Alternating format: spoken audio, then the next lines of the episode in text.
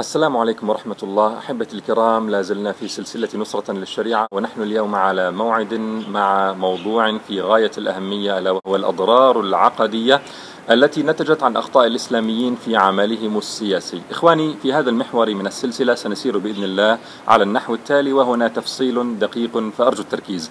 سنوضح بداية الأضرار العقدية الفكرية المنهجية التي أصابت كثيرا من المسلمين جراء الممارسات السياسية الخاطئة لبعض الإسلاميين. وهذا سينقلنا إلى الخطوة التالية حيث سنقول لهؤلاء الإسلاميين أنتم بررتم ممارساتكم السياسية هذه باستخدام قاعدة المصلحة والمفسدة. قلتم أن ممارساتكم السياسية تجلب مصالح أعظم من المفاسد الناتجة عنها.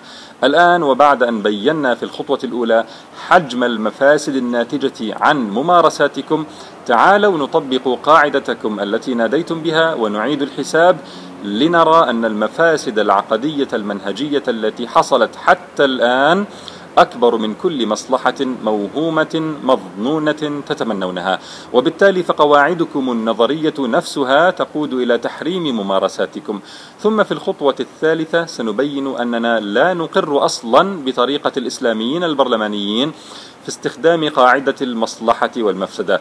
وسنبين الانحراف الشديد في تطبيق هذه القاعدة بحيث هدمت قواعد الإسلام وأنتجت في النهاية دينا جديدا ليس هو دين الإسلام.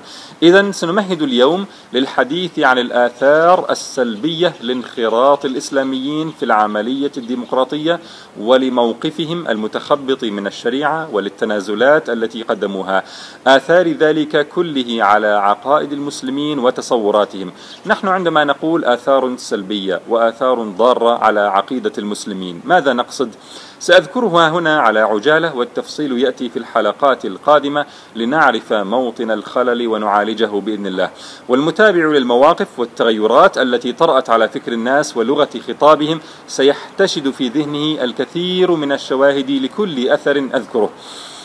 من هذه الآثار أن كثيرا ممن ينتسب إلى الإسلام أشرب المبادئ الديمقراطية في قلبه وأصبح ينادي بها ويدعو إليها ويدافع عنها مع أن قوى الغرب وعملاءهم من العلمانيين فشلوا عبر عقود في ترويجها في بلاد المسلمين. فكان حصان طروادة الذي روجها في النهاية هم بعض الإسلاميين أنفسهم للأسف. من هذه المبادئ التي راجت أن الشعب هو صاحب السلطة التشريعية الذي له الحق في أن يشرع لنفسه ما يشاء وأن إرادته محترمة وإن صادمت الشريعة فالحق ما أحقه الشعب والباطل ما أبطله.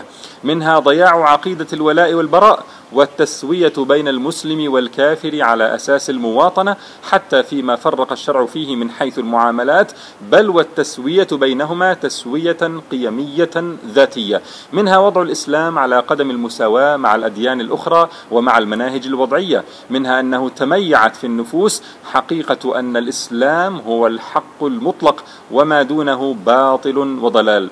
وقل شأن الشريعة في النفوس فأصبحت بعض القيم المنادى بها كالحرية وتقوية الاقتصاد مقدمة على الشريعة عند بعض الناس وضعفت الثقة ضعفت الثقة في رصيد الفطرة الذي أودعه الله في نفوس عباده لينجذبوا إلى شرعه. من هذه الآثار لممارسات الإسلاميين الديمقراطيين أنها جعلت كثيرا من المنتسبين إلى الإسلام يسوغون ويبررون الحكم بغير ما أنزل الله ويصفونه بالعقلانية والواقعية ويقبلون بالاحتكام إلى القوانين الوضعية ويكرهون أحكاما هي في حقيقتها من الشريعة بل ويستهزئون بها. ويرون شرع الله غير صالح للتطبيق في بعض الأمكنة والأزمنة ويتخوفون من تطبيقه. ويتصورون أن أخلاق الناس وسلوكهم يمكن أن تصلح بقوانين وضعية بدلا من الشريعة. من هذه الآثار ضياع معنى العبودية لله وضياع قضية أن الحكم لله. وهزلت صورة الشريعة بحيث راجت فكرة أن تعرض أحكام الله سبحانه وتعالى على العبيد ليختاروا منها ما شاءوا. وتصور البعض أن الشريعة تقبل أن تكون ترقيعية ترميمية للأنظمة الجاهلية. من هذه الآثار أن الناس راجت بينهم افتراءات على أنبياء الله. منها فرية أن رسول الله صلى الله عليه وسلم تنازل في الحديبية وعطل بعض الحدود خوفا من ردة الفعل بل نسبوا إلى أنبياء الله تقديم بعض القيم على الدين مثل فرية أن هارون عليه السلام قدم الوحدة القومية على التوحيد بل ونسبوا إليهم أعمالا كفرية مثل فرية أن يوسف عليه السلام حكم بغير ما أنزل الله من هذه الآثار تعود الناس على عدم احترام الدليل الشرعي ومعارضته بالحجج العقلية وشيوع علمانية مغلفة بغلاف سلفي. من هذه الآثار أن الإسلاميين أنفسهم بممارساتهم وتصريحاتهم ثبطوا المارد الإسلامي المنتفض وفرغوا الشحنة الهائلة التي سرت في الشعوب الإسلامية إبان الثورات العربية ونزلوا بسقف طموحاتها وحدوا من آمالها.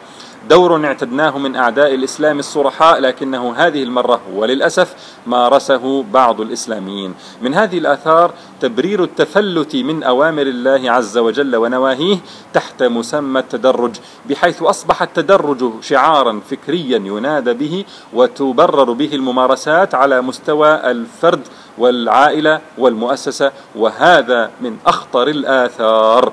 من هذه الآثار لممارسات البرلمانيين أنها أضفت شرعية في عيون الناس على الأنظمة الجاهلية بعدما تزلزلت أركانها فأعطت لهذه الأنظمة قبلة الحياة.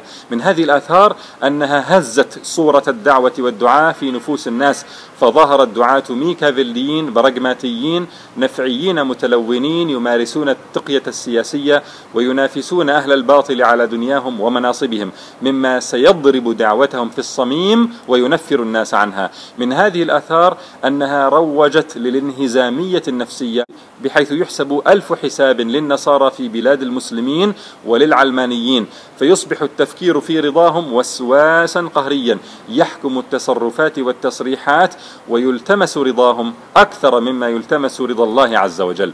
ومن أهم الآثار للممارسات السلبية لبعض الإسلاميين الاستهانة بهذه الآثار المتقدم ذكرها جميعا وعدم إعطائها أي وزن عند مقارنة المصالح الموهومة بالمفاسد.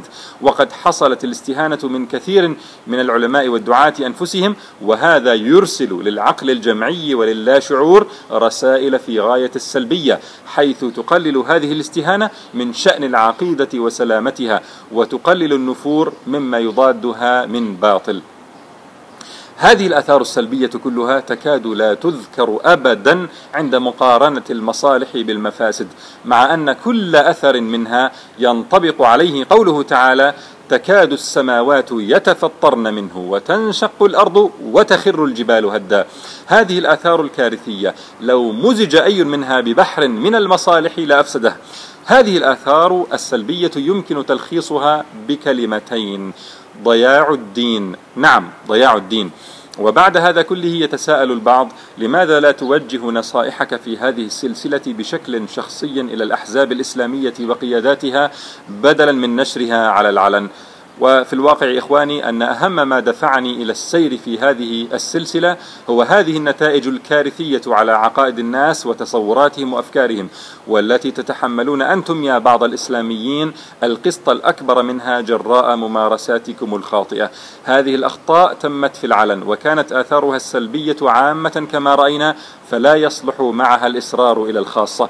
وهنا لا بد من التأكيد على أننا إنما نستخدم مصطلح الإسلاميين في هذا المقام تجوزا واختصارا. فنحن نقصد بالمصطلح من يجوز التغيير من خلال البرلمانات والانتخابات الرئاسية ضمن المنظومة التشريعية الديمقراطية والدساتير الوضعية. وهذا الطرح لا نقر أبدا بأنه إسلامي أصلا. خاصة بعد استعراض آثاره الكارثية الهادمة للإسلام فكيف يكون إسلاميا؟ ولذا فسنميل إلى استخدام مصطلح دعاة الديمقراطية بدلا من إسلاميين. ونذكر أيضا بأننا نعي وجود أحزاب وتوجهات إسلامية وأفراد عاملين على تغيير الواقع بطرق نرى فيها صوابا وخطأ لكنهم على الأقل سلموا من سلوك طريق الديمقراطية والتنازلات ومن التبرير لها. فليس النقد والتصويب في هذه السلسلة بالذات موجها لهؤلاء.